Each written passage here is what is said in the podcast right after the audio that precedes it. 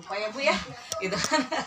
Nah karena memang eh, saya ingin kum- kumpul kembali dengan para blogger di sini. Salah satunya adalah untuk mengupdate usia inskrip ini sekarang menuju 13 tahun tepatnya di 8 September 2020 karena kita lahir itu dari 8 September 2007 itu dan cikal bakal dari inskrip ini berawal dari hobi menulis.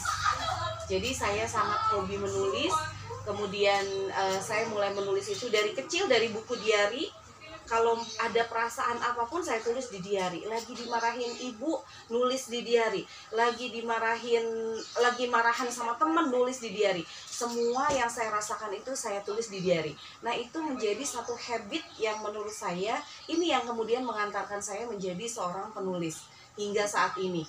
Sebuah hobi yang menurut saya sangat menyenangkan dan setiap selesai nulis pasti rasanya lebih happy gitu.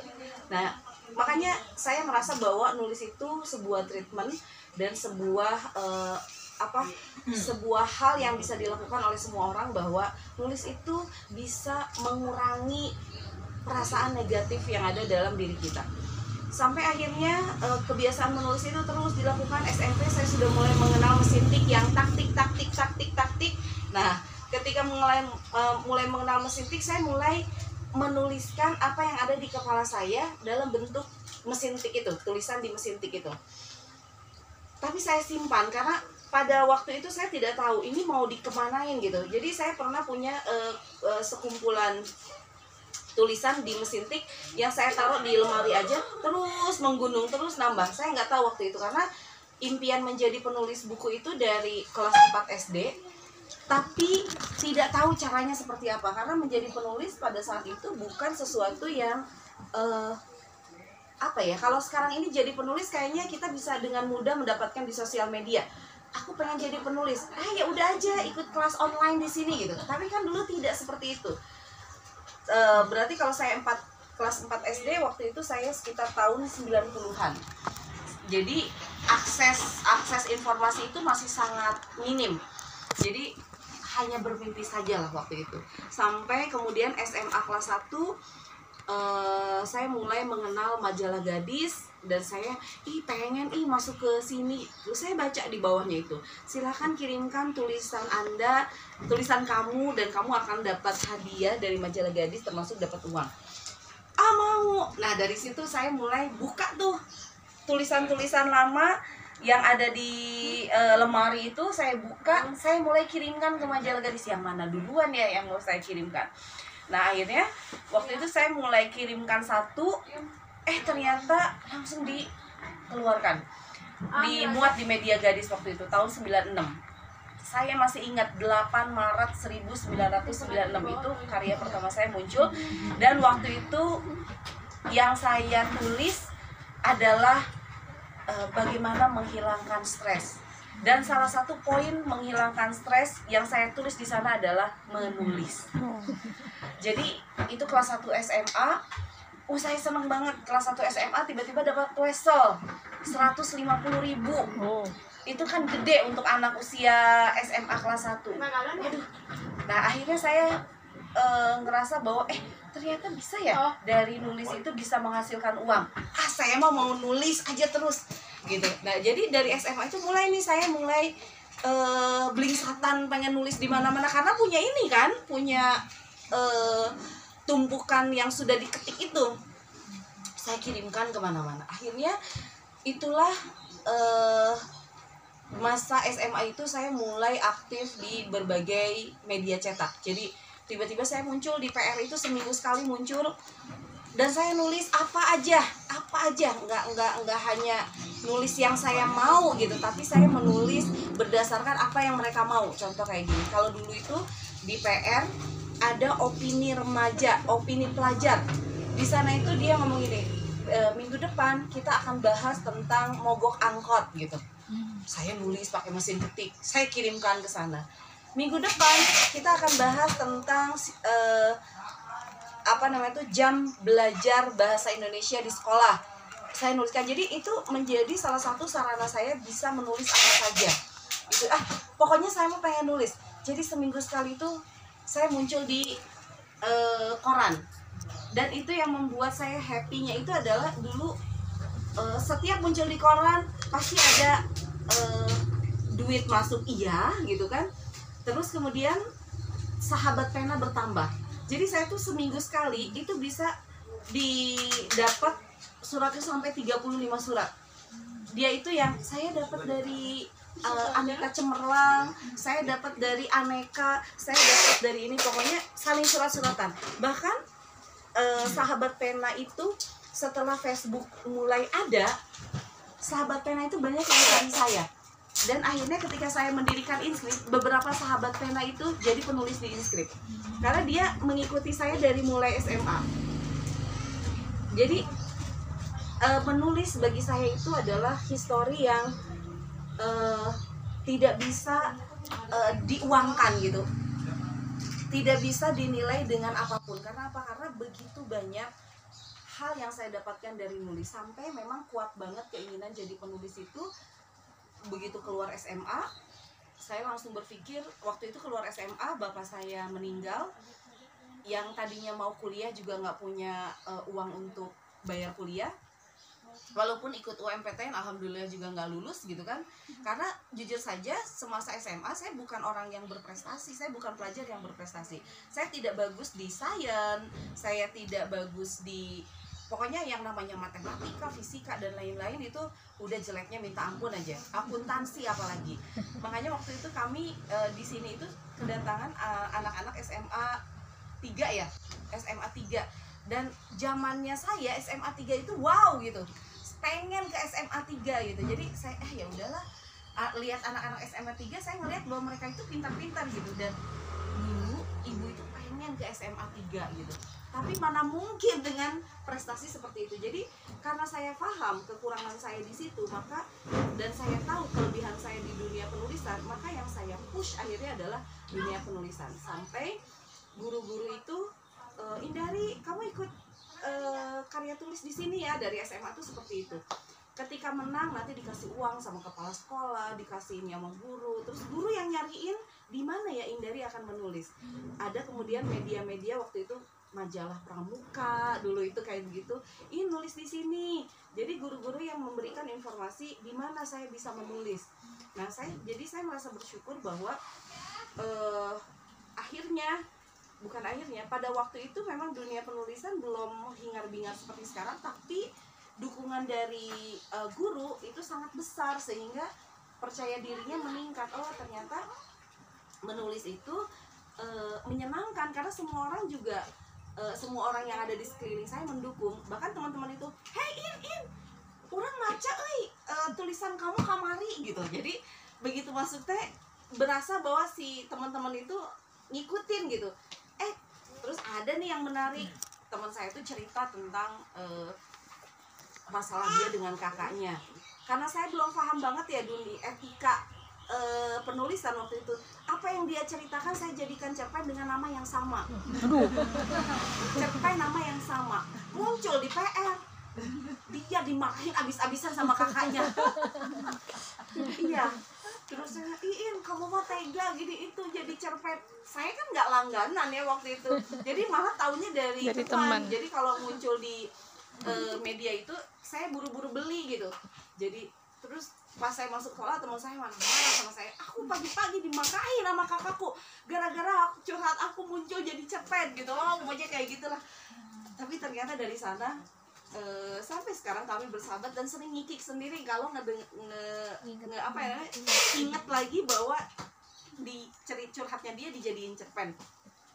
Kayak gitu. Keluar SMA karena nggak punya biaya akhirnya saya uh, memutuskan untuk ah saya pengen apa ya pengen uh, sekolahnya ya biarinlah di mana saja yang penting saya bisa nulis gitu. Nah pada waktu itu saya masuk ke akademi sekretaris dan itu juga sangat membantu saya uh, berkarir gitu. Pada saat dimasuk di akademi sekretaris saya mulai merintis uh, karir sebagai uh, dulu tuh SPG gitu kan terus kemudian jadi notulen notulen nah pada saat uh, salah satu rapat kan biasa kalau notulen orang-orang penting itu rapat orang penting biasanya suka ada wartawan. Nah terus ada wartawan. Ini wartawan cukup aktif. Akhirnya saya kalau jadi wartawan itu gimana eh? nah akhirnya itulah salah satu pengalaman saya kemudian terjun menjadi seorang jurnalis tahun 99 tapi hanya satu tahun di sana karena eh, tahun 2000 saya sudah mulai masuk ke dunia profesional saya kerja di dunia telekomunikasi yang memang pada waktu itu saya sudah lulus D1 dan pastinya saya sudah pengen berkarir lebih dan akhirnya saya masuk di eh, dunia eh, profesional di sebuah telekomunikasi. Yang untungnya di di sana itu karir penulisan saya justru membantu karir saya di dunia itu. Karena waktu itu kayak misalnya bikin laporan butuh skill menulis. Terus mau launching produk baru butuh skill nulis. Mau apa pun ternyata bahkan bikin memo saja kita harus menyajikan memo yang cukup bagus sehingga orang tuh happy baca memo gitu. Terus eh, akhirnya saya waktu itu pertama kali masuk saya jadi customer service.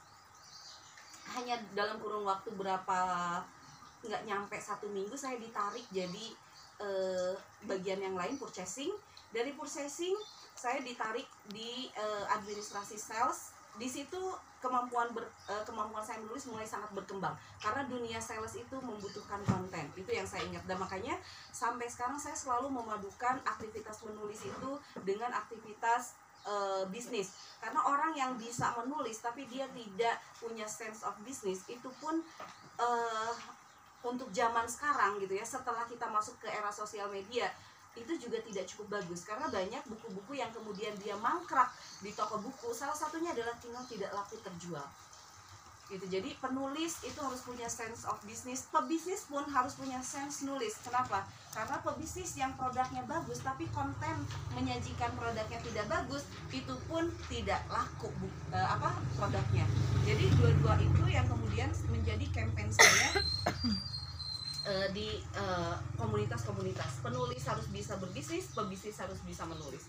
Nah saya lanjutkan tahun 2000 saya sudah masuk eh, dunia profesional jadi administrasi sales kemudian naik menjadi marketing komunikasi naik lagi menjadi asisten asisten director gitu. Dan semuanya membutuhkan eh, eh, sense of eh, writing. Pada saat itu kemudian perusahaan melihat bahwa saya punya talent menulis yang cukup bagus kemudian jadi markom dan markom itu salah satunya adalah mensondingkan aktivitas perusahaan ke media. Dan boom waktu itu kita mau bikin produk namanya eh, produk apa ya saya lupa. Tapi belum produk itu keluar masih dalam proses produksi saya eh, bikin berita ke media banyak banget. Dan ternyata itu yang membuat produknya langsung terjual sangat banyak.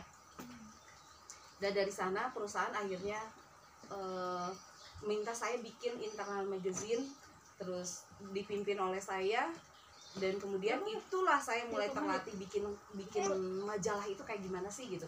Jadi latihan jadi penulis waktu itu sarananya belum banyak. Yang harus kita lakukan itu adalah berani untuk berani untuk melakukan gitu aja. In jadi pimpinan redaksi untuk majalah ya majalah perusahaan iya. Padahal saya nggak tahu alas ya kumanya nya majalah teh? gitu. Jadi saya termasuk orang yang spekulatif berani untuk melakukan apa pun padahal saya itu bukan ahli di bidangnya. Tapi yang penting eh, saya suka nulis saya yakin bisa lah ngotak-ngatik kayak begitu. Dan inilah yang kemudian menjadi pengalaman-pengalaman ini yang membuat si inscript ini bisnis penulisan yang dijalani sangat banyak. Kita ngerjain eh, pernah mengerjakan internal magazinnya eh, PKBL Bio Bio eh, Farma kemudian kita juga pernah bikin annual reportnya BI kayak begitu karena pengalaman-pengalaman saya sebagai profesional kemudian tidak disadari ketika saya berbisnis ya itu menjadi portofolio saya gitu. Saya pernah jadi pimpinan redaksi ini saya pernah ini ini nah kayak begitu. Nah di karena perusahaan ini tahu saya suka menulis jadi dia itu membebaskan saya untuk berekspresif gitu. Sok aja lah in. Mau bikin apa sih di perusahaan gitu? Yang penting adalah eh, kamu itu menjadi corong perusahaan. Nah di sana itu kemudian saya eh, mulai nih eh, cari-cari lagi gimana supaya nambah wawasan bisa eh, skill menulisnya itu bisa berkembang. Akhirnya saya dulu itu ada 99ers magazine-nya punya 99ers terus Ardan juga bikin. Majalah lagi naik lah lagi naik daun. Ya akhirnya saya kemudian memutuskan untuk melamar ke 99ers magazine ke Ardan dan di sana menjadi kontributor tetap jadi dari dunia penulisan saat itu saya tetap dapat uang dari perusahaan sebagai profesional juga ternyata saya naik. Dan yang menariknya lagi 2004 itu eh tahun 2003 belum terpikir tuh menulis buku. Nah jadi kadang kita itu akan menemukan jalannya itu di saat yang tepat. Akhirnya waktu itu saya kenal sama Daniel Mahendra. Ada yang tahu? Nah, coba cari ya Daniel Mahendra. Dia cukup senior di dunia penulisan sastrawan kalau saya bilang. Eh, Daniel Mahendra dulu jadi pimpinan redaksi 99ers Magazine. Terus dia bikin eh, penerbitan namanya Malka. Terus dia tawarin In mau nggak kamu bikin buku? Ah bikin buku. Nggak kebayang ah bikin buku 100 halaman lebih gitu. Kayaknya stres kata aku gitu. Soalnya aku kan sambil kerja. Eh cobain dulu gitu. Ah aku mau nyobain ah gitu terus waktu itu bukan nerbitin buku itu bukan ini ya bukan diterbitkan dan dapat royalti. Daniel itu indie publisher makanya saya mengenal indie publisher pertama kalinya karena saya melakukan indie publisher sendiri gitu. Jadi waktu itu saya invest 4 juta atau berapa nanti eh, royaltinya gini ini dibagi. Ngerti lah mulai ngerti. In kalau bikin buku sebenarnya sama kayak bikin artikel. Semua berawal dari pengalaman. Terus Daniel boleh nggak aku tuh baru putus cinta kata aku. Gitu. boleh nggak aku bikin novel lah novel putus cinta? Boleh banget in kata dia gitu ya. Beneran itu teh? Bener katanya terus yang pertama harus kamu lakukan adalah banyak baca novel. Akhirnya ya karena saya lagi waktu itu lagi pokoknya lagi patah hati gitu ya. Saya curhatnya. Bisa patah, patah hati juga ternyata. curhatnya pakai buku pakai bikin novel dan ternyata iya 150 halaman itu gampang. Sampai jadi novelnya. Terus ada gitu eh, sudah jadi novel. Wah hebat. Tapi waktu itu saya penasaran. Daniel boleh nggak? Saya pengen nyoba untuk menyerahkan naskah ini bukan hanya eh, indie publisher tapi juga ke penerbit besar kata aku. Karena dulu yang saya ingat penerbit besar itu juga sedikit yang nggak jauh dari Mizan, Gramedia kayak gitu. Jadi saya waktu itu ngirimin ke Grasindo. Dan karena saya itu otak bisnisnya jalan jadi waktu kirimin naskah itu saya rewel banget. So, Mas Dani saya masih ingat orang pertama yang saya kenal di Grasindo itu adalah Pak Dani Pak Dani saya kirimkan novel ya oh iya eh, di print. Udah di print harus pakai CD lagi gitu kan. Ah pokoknya ribet lah kalau dulu. Ya saya print. Saya tuh kerjaannya nanya kapan ini? Karena nggak tahu kan proses itu tuh pokoknya bawel-bawel kayak gitu. Makanya saya tuh sekarang ya kalau ada penulis pemula yang dia itu bawel saya tuh menyadari dulu juga saya seperti itu. Gitu. Jadi Memahami. ya sangat memahami gitu. Saya berusaha untuk mengedukasi dengan sangat eh, sangat ramah gitu kan nggak sampai saya ini jengkelnya gitu nggak sampai kayak gitu. Karena saya menyadari saya penulis pemula yang juga rewel gitu. Kerjaannya nanya sama eh, Dani itu Mas Dani udah udah di ACC belum? Kapan terbitnya? Sampai akhirnya pada satu sisi Waalaikumsalam. Silahkan langsung aja. Sampai pada satu masa eh, Daniel itu nanya sok kamu mau sampai kapan nungguin si Gelasindo itu ACC ah udah lah Nil saya mau bilang sama Gelasindo kalau saya diterbitkan di Malka gitu ya. Terus udah saya langsung bilang sama Gelasindo saya diterbitkan di Malka nih gitu. Saya undang ya tim Grasindo pede banget kan ya? Tim Grasindo untuk hadir di launchingnya. Bawel pokoknya sebelum naskahnya itu terbit kerjanya aku mau, mau bikin novel loh aku mau bikin novel ke semua. Ternyata kan alur bikin novel ya itu lama ya. Temanku nanya kapan novelnya terbit? Ya itu dia nggak tahu ya. Kapan novelnya terbit? Kamu mah omdo omdo gitu. Bikin novel lah pokoknya gitu. Tapi akhirnya itulah yang membuat pas si novel itu terbit boom itu banyak wartawan yang datang. Hmm. saking kecerewetan yang luar biasa gitu ya. Tapi muncul di PR-nya bagus nggak? Enggak juga. Banyak kritiknya. Novel ini gini-gini awalnya down sedih. Makanya saya itu sering bilang kayak gini sama penulis pemula itu kalau karya itu dikritik boleh down sebentar tapi bukan merasa bahwa kita itu tidak berbakat. Gitu karena proses menulis itu panjang. Makanya ini belum sampai ke IDN ya proses menulis itu panjang. Nggak bisa menghasilkan uang dalam jangka waktu yang cepat. Beda dengan bisnis. Kita punya uang 10.000 ribu kita beli terigu beli tahu langsung jadi gehu dijual dapat duit. Hari itu juga. Tapi kalau proses menulis yang dijual tulisan tulisan jelek mau dijual siapa yang mau beli gitu. Hmm. jadi saya sangat memaklumi itu. Jadi saya muncul di koran PR waktu itu. Tapi bukannya apresiasinya cuma sedikit sisanya kritik itu pengen nangis gitu tapi ah ya sudahlah udah saya juga kata Daniel. Ya In gue aja ngedit punya lo itu berdarah-darah lo In. Lu belum ngerti ya tanda baca gitu kan. Titik-titiknya banyak banget gitu. Nah itu yang terjadi kan sama penulis sekarang. Titik-titiknya banyak banget terus pemenggalannya panjang banget satu paragraf itu bisa belasan baris gitu. Waalaikumsalam. Langsung aja eh ini Mbak Hidayah yang di Ini ya, Mbak. Hidayah ini. Oh. Ini Tesugi. Teh Teh Sugi. Sugi di Bandung. Nah, jadi muncul nah yang membuat akhirnya si Grasindo itu melamar saya jadi penulisnya adalah karena saya bawel. Jadi pada saat itu langsung buku itu yang minta tanda tangan itu antri. Oh. Karena apa? Ya kebawelan itu. Nah, itulah kenapa sampai sekarang saya sering bilang pada penulis di IDN, penulis itu nggak bisa cuma bisa nulis. Dia harus pandai mempromosikan bukunya. Itu langsung jelasin begini. Teh dari punya naskah yang lain nggak? Saya mau terbitkan. Kami mau terbitkan. Dia bawa kepala redaksinya Grasindo loh datang ke sana. Kami mau terbitkan. Waduh nggak punya. Terus kata Daniel gini, In, ingat yang gua bilang kata Daniel gitu saya tuh sama Daniel udah dekat gitu ya jadi gua lu sampai sekarang ketemu udah tua kayak gini juga gua lu inget yang gua bilang lu kalau nulis buku nulis pengalaman lu. Nih nih kalau gua nulis pengalaman gua waktu SMA cocok katanya gitu. Karena sekarang lagi em, model mo- apa lagi laku teen lead dan ciklit dulu itu zamannya zaman 2004 2005 ya.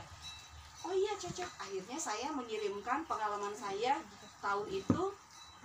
Ada judulnya itu gendut siapa takut gitu kan. Terus eh, dan itulah yang di, akhirnya dimuat di eh, pertama kali di Grasindo dan itu Grasindo itu happy sama saya salah satunya adalah in bedah buku yuk hayu gitu.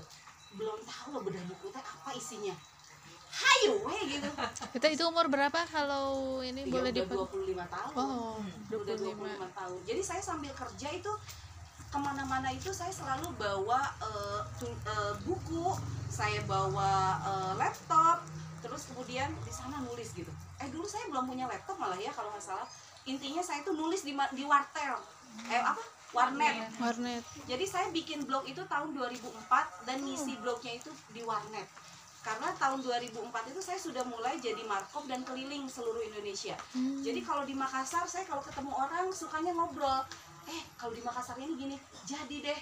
Saya itu bikin novel, bukan novel, bikin eh, cerpen yang latar Makassar. belakangnya itu atau backgroundnya itu adalah settingannya Makassar gitu. Jadi kayak gitu. Jadi itu yang menguntungkan profesi saya sebagai seorang marketing eh, komunikasi di perusahaan itu mem- membuat saya kaya karena ya itu suka ngobrol oh iya gini ya oh makanan enak jadi diresapi gitu kalau saya mau ditulis ya hal-hal yang penting itu dan itu yang membuat akhirnya saya produktif nulis. Ketika saya kemudian di dinas di Jogja itu sudah mulai nulis buku kan ya. 2005 2006 itu saya udah. Di Jogja itu banyak banget sudah mulai bermunculan penerbit-penerbit. Uh, saya datengin tuh semua penerbit, ketok pintu. Saya hindari, saya sudah nulis. Saya di Gra- Nah, saya bawa portofolio saya itu apa? Grasindo. Malka, saya nulis di Malka, saya nulis di Grasindo, di Grasindo gini gini gini. Seneng lah. Dan dia juga ngelihat si penerbit itu pasti ngelihat ini cerewet amat ya penulis gitu. Karena pada masa itu pun sosial media kan belum Belum. ngehits. Keru- kemudian eh, penulis-penulis itu masih mindsetnya adalah udah nulis ya udah aja gitu udah nulis Lupakan. eh, yang kemudian harus dilakukan oleh penulis itu hanya menulis serahkan ke penerbit penerbit yang distribusikan kita mah tunggu royalti mindsetnya masih di sana Ay saya mah enggak, aku mah pengen royaltinya besar dan gitu ke Dani itu. Dulu yang awalnya Mas Dani manggilnya jadi Dani, Dani, aku pengen royaltinya gede gitu. Pokoknya saking ap- ya sampai sekarang pun sebenarnya karakterku masih sama. Sama orang itu jarang manggil teh. Dari dulu kayak begitu kalau udah akrab langsung manggil nama gitu. Dan aku pengen royal giniin, ayo kita bikin program, bikin program bedah buku. Pokoknya weekend itu kalau aku nggak kerja atau nggak keluar kota pasti beda buku. Dan aku ada di Jogja nih karena dulu emang Grasindo banget gitu. Bikin buku tuh terus aja Grasindo setahun bisa satu sampai dua buku. Eh aku di Jogja bikin yang beda buku di sini. Terus Dani kontak Grasindo cabang sana bikin beda buku di sana. Pokoknya wanian aja. Ya itu tidak biasa dan tidak lazim sebenarnya pada masa itu. Eh, sehingga akhirnya saya sendiri juga mendapatkan kontrak dari penulis yang lain ini kenapa sih centil banget? gitu. Penulisnya meni centil banget meni pengennya bedah buku mulu pengennya masuk radio pengen dibedah ternyata ya itu salah satu membranding kita sebagai penulis. Jadi pas waktu di Jogja itu banyak banget penerbit yang kemudian menerima eh, apa tulisan saya kalau misalnya saya saya tuh sekarang sudah 104 buku prosesnya seperti itu yang membuat saya itu cepat masuk ke penerbit. Jadi biasanya juga saya nanya ke penerbit itu lagi butuh apa mas? Lagi butuh eh, buku ini. Hmm, gimana kalau aku ngajuin outline? Nah kayak gitu. Oh boleh boleh silakan sama sampel penulisannya ya. Iya gitu. Oke.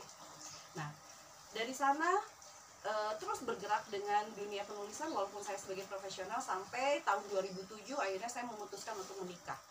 Karena profesi saya sebagai markom itu memang harus keluar kota terus akhirnya saya berpikir saya nggak mungkin bisa keluar kota. Kapan saya bisa ketemu dengan suami? Kapan saya ngurus anak? Kalau pekerjaan saya masih di dunia sales seperti ini ya sudahlah kalau gitu saya mau mau keluar kerja. Waktu itu saya me- sebelum menikah saya bilang itu kepada Pak Deki waktu itu karena kita sudah mau menikah kan selang berapa lama. Pak Deki bilang karena karir saya lagi bagus saat itu dipikirkan dulu. Karena belum tentu orang yang sangat aktif diam di rumah dia bisa happy gitu. Eh, terus emangnya mau ngapain gitu Eh, saya mau jadi penulis aja. Semua berkerut keluarga saya juga jadi penulis? Apa masa depannya? Gitu kan. Walaupun mereka tahu bahwa saya adalah seorang penulis tetap aja menulis itu bukan profesi yang diidam-idamkan oleh keluarga ataupun mertua gitu kan. Apa itu penulis gitu? Eh, tahun 2007 akhirnya saya nikah. Jadi belum keluar dulu keluar kerja sampai akhirnya kemudian saya hamil. Karena kerja saya itu di dunia eh, apa eh, telekomunikasi kebanyakan laki-laki kemudian mereka juga ngerokok gitu kan kayak begitu ya kalau akhirnya saya memutuskan ya udahlah keluar dan membangun eh, jasa penulisan tahun 2007 tepatnya satu bulan setelah saya nikah. Jadi saya menikah 8 September eh 8 Agustus 8 September Inspiritus sudah berdiri. Tapi sebenarnya sebelum menikah ya memang saya sudah nerima kerjaan dari penerbit dan saya sudah warning sama penerbit bahwa saya tuh bakalan resign dan memang fokus di dunia penulisan gitu. Oke bagus kalau gitu. Kita bisa lebih banyak pesan naskah do ya ini ya gitu. Ya kayak begitu. 2000 akhirnya saya memutuskan resign dan memang benar-benar langsung saya hubungi semua penerbit. Dan 2007 8 September itu langsung datang kayak misalnya Gradients itu langsung Tain dari nulis buku ini dong eh, nulis buku resep masakan gitu ah tulah nggak bisa resep masakan mah. Ya nggak apa-apa kata. Dulu kita belum agensi ya masih saya sendiri yang nulis. Jadi gradient gini aja bagus tuh. Kalau dirimu itu memang langsung aja jadi eh, ngumpulin teman-teman penulis. Jadi kalau misalnya ada orderan dari penerbit itu sebarin ke eh, penulis-penulis yang lainnya. Nah, akhirnya saya mulai cari penulis pertama yang bergabung di agensi kami adalah Bang Aswi. Jadi Bang Aswi itu memang nemenin saya dari eh, inskrip pertama. Jadi yang jadi penulis di saya itu dulu saya Bang Aswi, saya Bang Aswi, saya Bang Aswi gitu. Jadi sampai berapa lama karena kita gini, eh, penulis memang sudah banyak tapi sudah banyak tapi nggak ngehits banget gitu waktu itu tapi penulis kan sudah tahu akses ke penerbit terus buat apa agensi gitu kan? Fungsi agensi itu apa? Ini yang kemudian harus saya olah bahwa agensi ini fungsinya bukan hanya sebagai eh, mulut yang memberikan orderan gitu. Karena mereka sudah tahu lah gitu untuk masuk ke penerbit itu seperti apa. Jadi saya langsung mengolah eh, kayak misalnya gimana caranya mendapatkan klien lebih banyak sehingga orderan lebih banyak gimana caranya penulis itu bisa happy dengan agensi walaupun sebenarnya mereka bisa happy sendiri. Nah sampai terus dijalankan terus sampai ada di satu titik inskrip itu benar-benar kekurangan penulis. Jadi kita itu orderan banyak penulis nggak ada. Dan saya harus sudah mulai berpikir strategis bukan lagi sebagai penulis. Jadi itulah yang menjadi cikal bakalnya ibu-ibu doyan nulis. Jadi yang saya pikirkan adalah bagaimana saya bisa mendapatkan penulis dalam jumlah yang banyak tapi itu adalah penulis pemula yang lebih mudah untuk saya edukasi.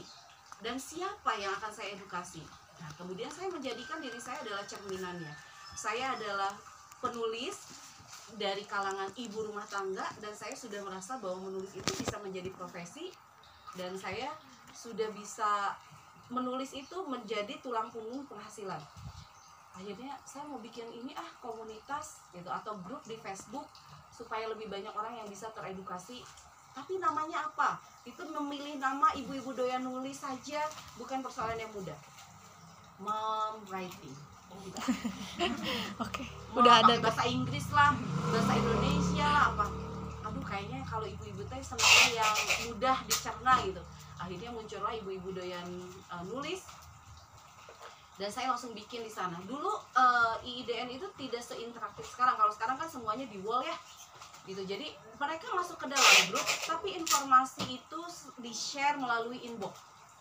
Jadi kita itu kalau mau informasiin ke IDN tentang apa gitu bukan di wall di inbox. Kenapa Jadi- tadi itu? enggak. Dulu itu begitu Oh. Facebook itu. Oh. jadi informasinya itu masuknya ke inbox jadi saya itu yang aktif banget nulis akhirnya sering dimarahin sama anggota. Karena apa?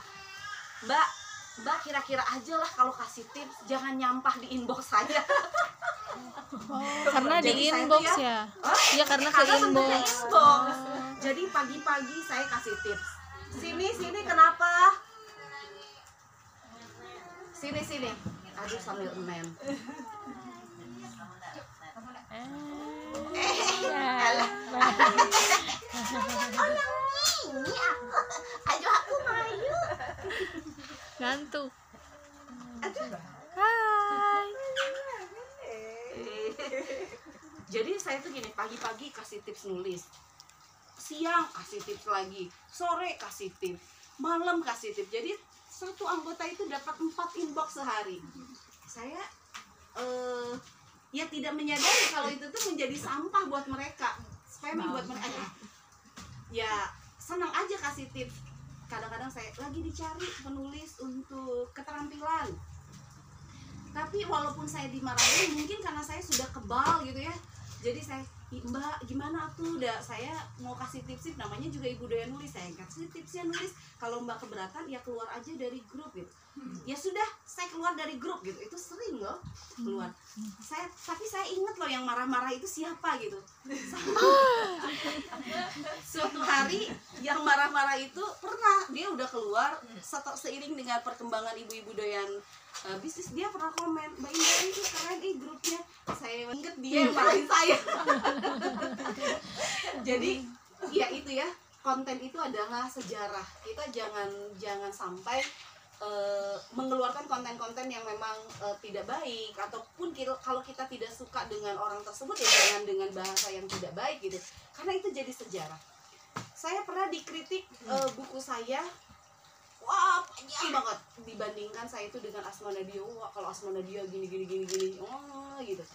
Dan ternyata dia kemudian menjadi penulis kami.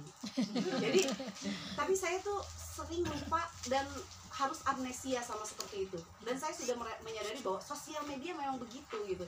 Kita itu kadang dibandingkan dibandingin atau gimana ya cuek aja gitu. Jadi nanti toh pada akhirnya waktu yang akan eh, apa namanya itu eh, menjelaskan semua gitu. Mungkin mereka yang marah yang apa yang mereka tidak tahu. Tapi termasuk jadi introspeksi saya oke deh saya jangan empat kali ya sehari dua kali aja deh gitu ya. Nah dari pesan-pesan seperti itu muncullah penulis-penulis baru. Kayak misalnya Rosarianita gitu kan dulu. Teh saya mau dong eh, ini eh, bikin outline untuk keterampilan. Wah saya seneng nih dapat terus dia bahkan dia kan tinggalnya di Tangerang dia tapi orang tuanya di Bandung kemudian kalau ke Bandung dia ke sini belajar bikin outline dan ternyata di ACC terus gitu. Akhirnya Rosa itu yang memang bisnisnya di di bidang eh, hantaran pengantin di bidang keterampilan ya dia akhirnya memang cukup banyak menuliskan buku di sini. Terus muncul Chandra Nila. Ya, itu dari respon-respon mereka yang merespon dengan positif gitu kan. Kalau yang merespon dengan negatif itu muncul lagi atau dekat dengan saya lagi setelah sekian lama yaitu setelah ada yang muncul. Jadi biasanya saya setelah si Facebook itu mulai aktif kayaknya sekitar 2011 di wall itu saya sering gini selamat ya kepada Mbak Ocha misalnya. Bukunya sudah terbit Pak."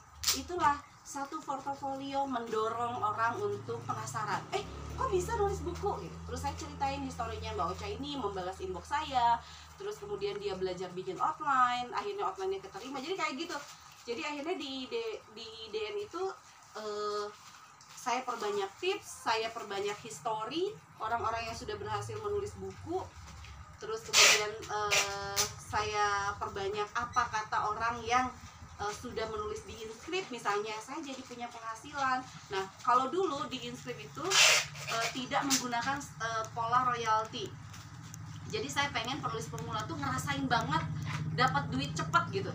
Jadi kan pola penulisan buku itu kontraknya itu satu ada jual putus ada kontrak royalti gitu. Saya pakai kontrak eh, jual putus gitu. Jadi setelah dia kirimin naskah naskahnya di ACC terus kemudian langsung dapat uang dulu itu kita eh, satu naskah itu rata-rata sekitar satu juta sampai satu juta setengahan gitu. Tapi sayangnya sampai sekarang harga naskah itu tidak pernah berubah. Harga naskah buku sampai sekarang itu kalau saya lihat saya ngobrol sama teman-teman sekarang harga naskah buku berapa? Karena kita sekarang kan sudah lebih banyak royalti dan ke biografi ya. Jadi kurang paham eh, harga naskah. Itu masih sama loh. Masih sama sama. masih sama. Bahkan sepertinya satu-satunya eh, produk yang tidak pernah berubah eh, angka itu adalah naskah buku. Bahkan makin sini makin murah. Kenapa? Karena sudah makin sulit penerbit itu menjual buku. Hmm. jadi dia terus tekan harga produksi. Nah tapi itu untuk penulis penulis eh untuk penerbit penerbit yang memang eh, belum Besar. besar ya. Kalau untuk Gramedia memang tidak ada skema jual putus gitu kan. Semuanya royalti. Penerbit-penerbit besar jarang yang pakai eh, jual putus gitu nah dari 2011 setelah si Facebook itu konsepnya interaktif neng sambil nen boleh sambil ngenenin? Boleh dong teh. eh eh mau eh. Mau Gak jadi. Nenek Nenek GR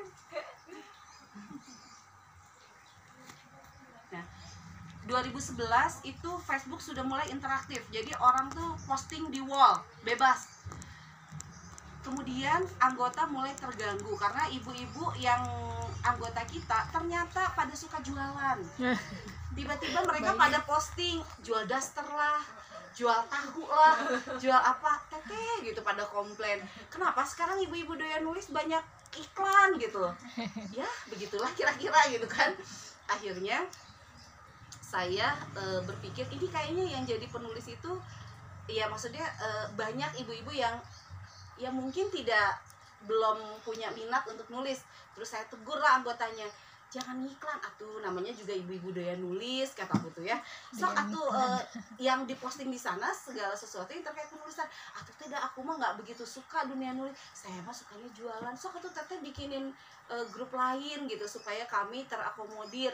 Akhirnya eh, bul- 8 Oktober 2011 saya bikin ibu-ibu doyan bisnis Hmm. yang ternyata jumlah anggotanya jauh lebih cepat ibu-ibu doyan bisnis. Sekarang ini ibu-ibu doyan nulis kalau nggak salah 21 ribu ya, ibu-ibu doyan bisnis sudah 42 ribu gitu. Jadi karena apa? Karena proses menulis itu jangka panjang.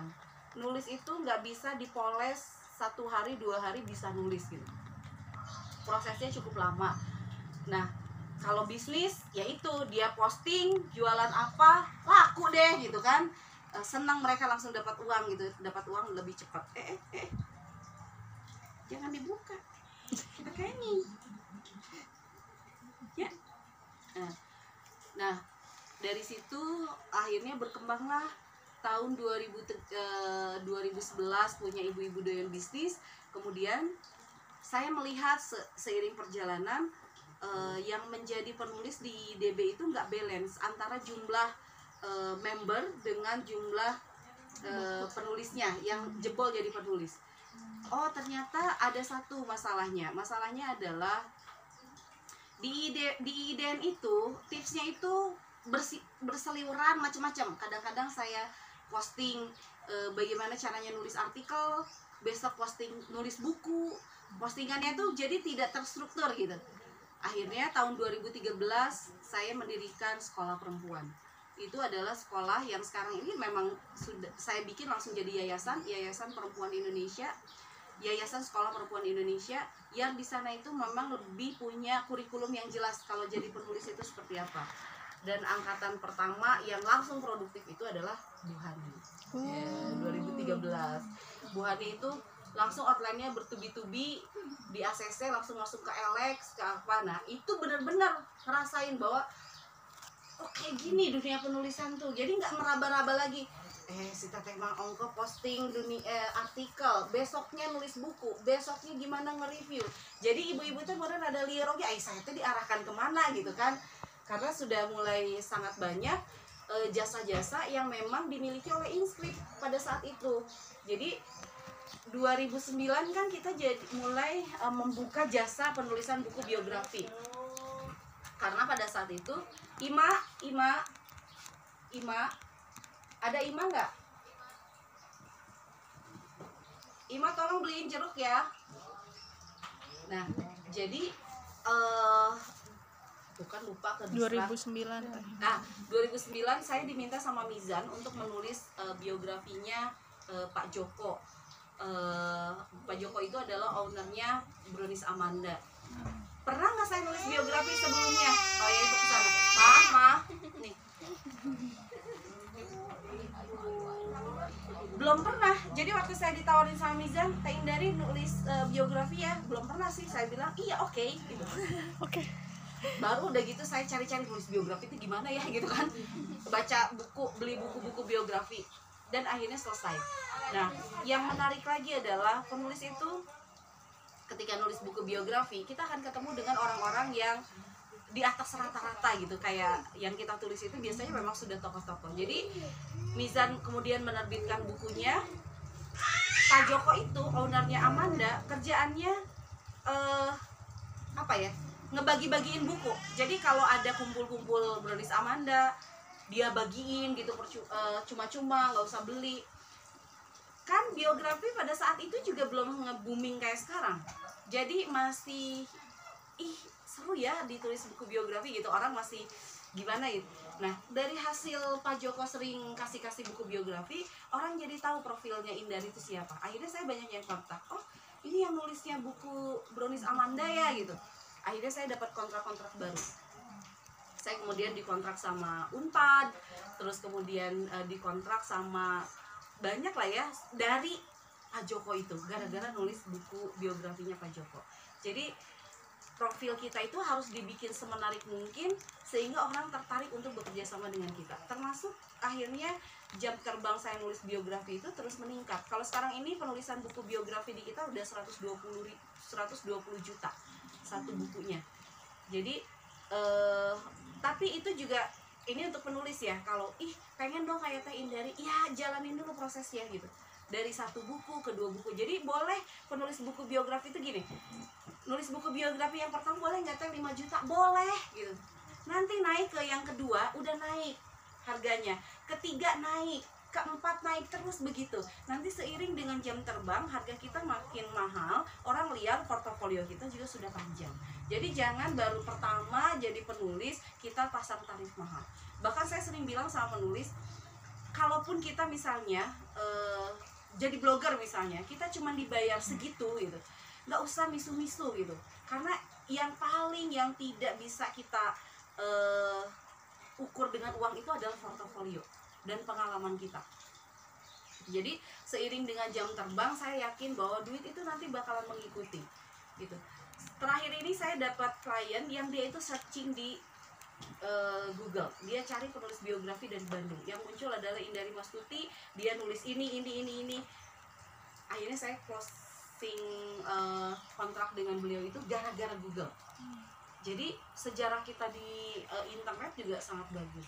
Saya dapat eh, klien kelas kakap itu direkomendasikan oleh Gramedia. Jadi salah satu pengusaha di Bandung pengusaha yang tajir banget dia nelfon Gramedia saya butuh penulis biografi orang Bandung gitu. Terus kata Gramedia di Bandung ada Indari ini nomor kontaknya gitu. Jadi kalau kita sudah punya nama baik duit itu bakalan mengikuti. Atau eh, apa job-job itu bakalan mengikuti. Nah itu balik lagi ke sekolah perempuan. Jadi sekolah perempuan itu akhirnya saya bikin untuk menelurkan lebih banyak penulis satu untuk saya arahkan ke inscript lagi. Yang kedua kita juga pernah bikin buku, penulisan buku biografi juga ya bu ya? Sudah mulai. Tapi memang menulis buku biografi itu tidak semua orang bisa. Karena apa? Biografi itu mengkolaborasikan eh, penulisan dengan emosi dan empati.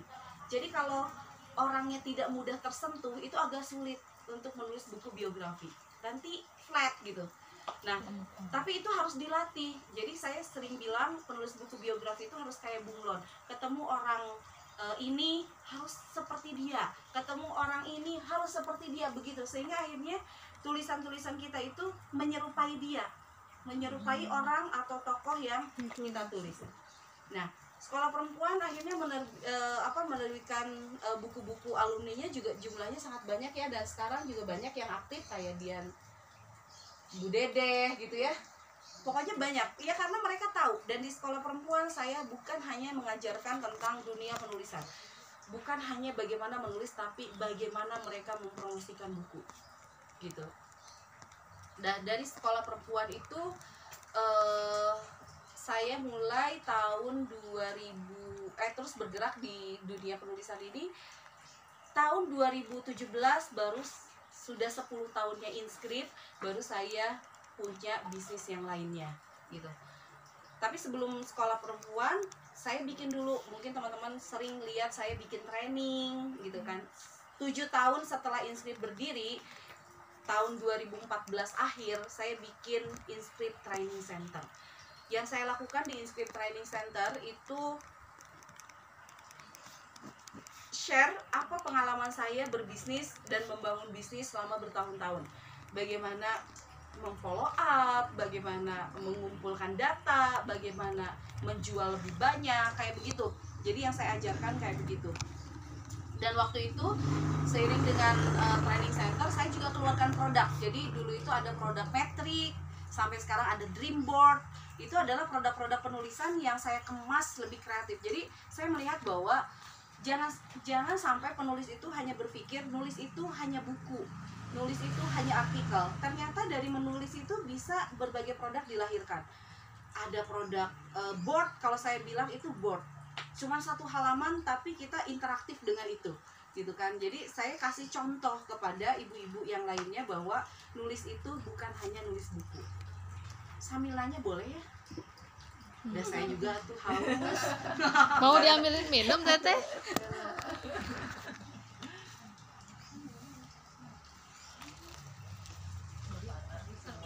Ter iya terkagum-kagum gitu, terpersona ya. Kok bisa ya kayak gitu gitu ya? Iya. semangatnya teh kok bisa secerewet itu gitu Teteh mengatasi mental block itu gimana? Kan nggak mungkin ya kalau eh nggak nggak tahu ya kalau teman-teman di sini eh, saya gitu ya kadang-kadang kan kita tuh kayak produktivitas tuh nggak di 10 terus gitu ada kayak turun ada lagi down nah itu tuh kayak untuk bangkit dari itu tuh gimana sih caranya gitu Iya. Ya itu pastilah saya juga bukan ya saya manusia biasa lah mengalami yang namanya kebosanan. Apalagi inskrip itu di tahun 2010 kami waktu saat IIDN berdiri itu sebenarnya kondisi Inscript juga lagi menuju kebangkrutan.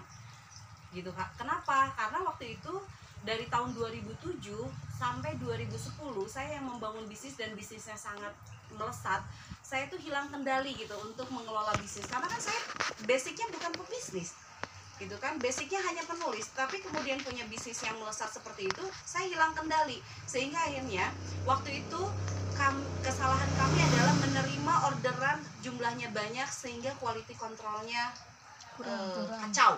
Sehingga akhirnya kami kehilangan banyak klien akibat itu. Padahal mereka itu kalau order ke kami itu 5, 10, 10 naskah kayak gitu.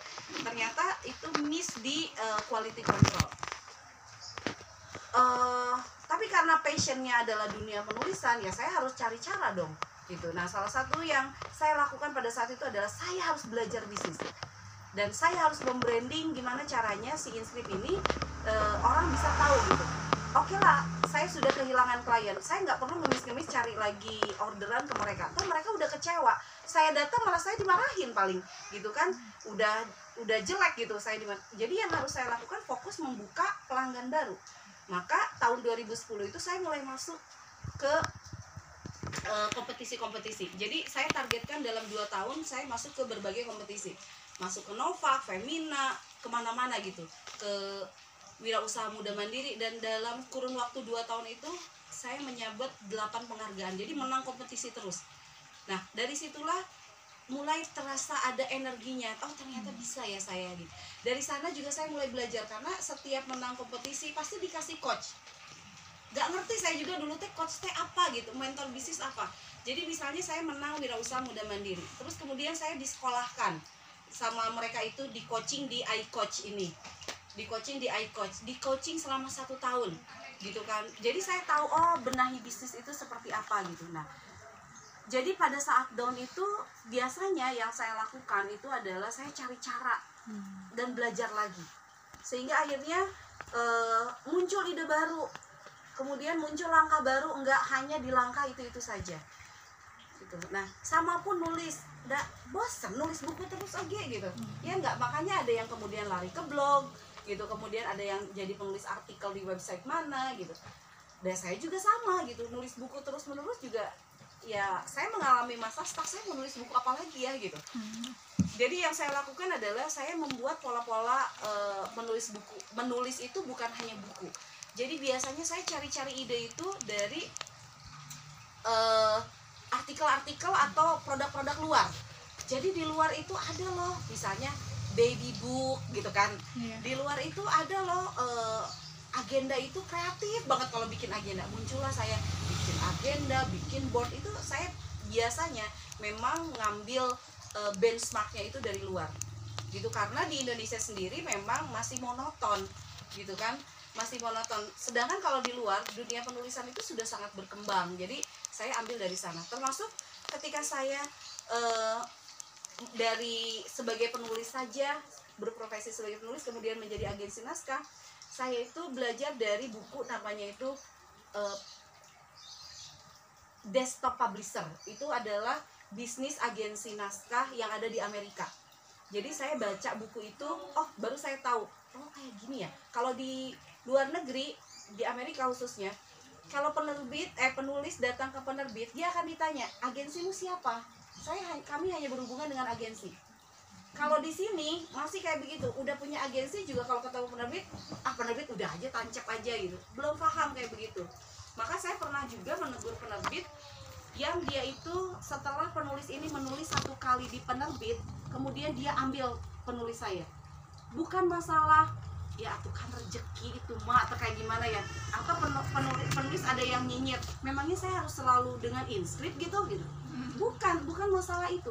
Tapi karena ini adalah bisnis dan ini adalah masalah etika. Jadi saya harus terus eh, mengkampanyekan hal itu. Ketika dia mau sendiri pun saya nggak apa-apa gitu. Yang penting adalah izin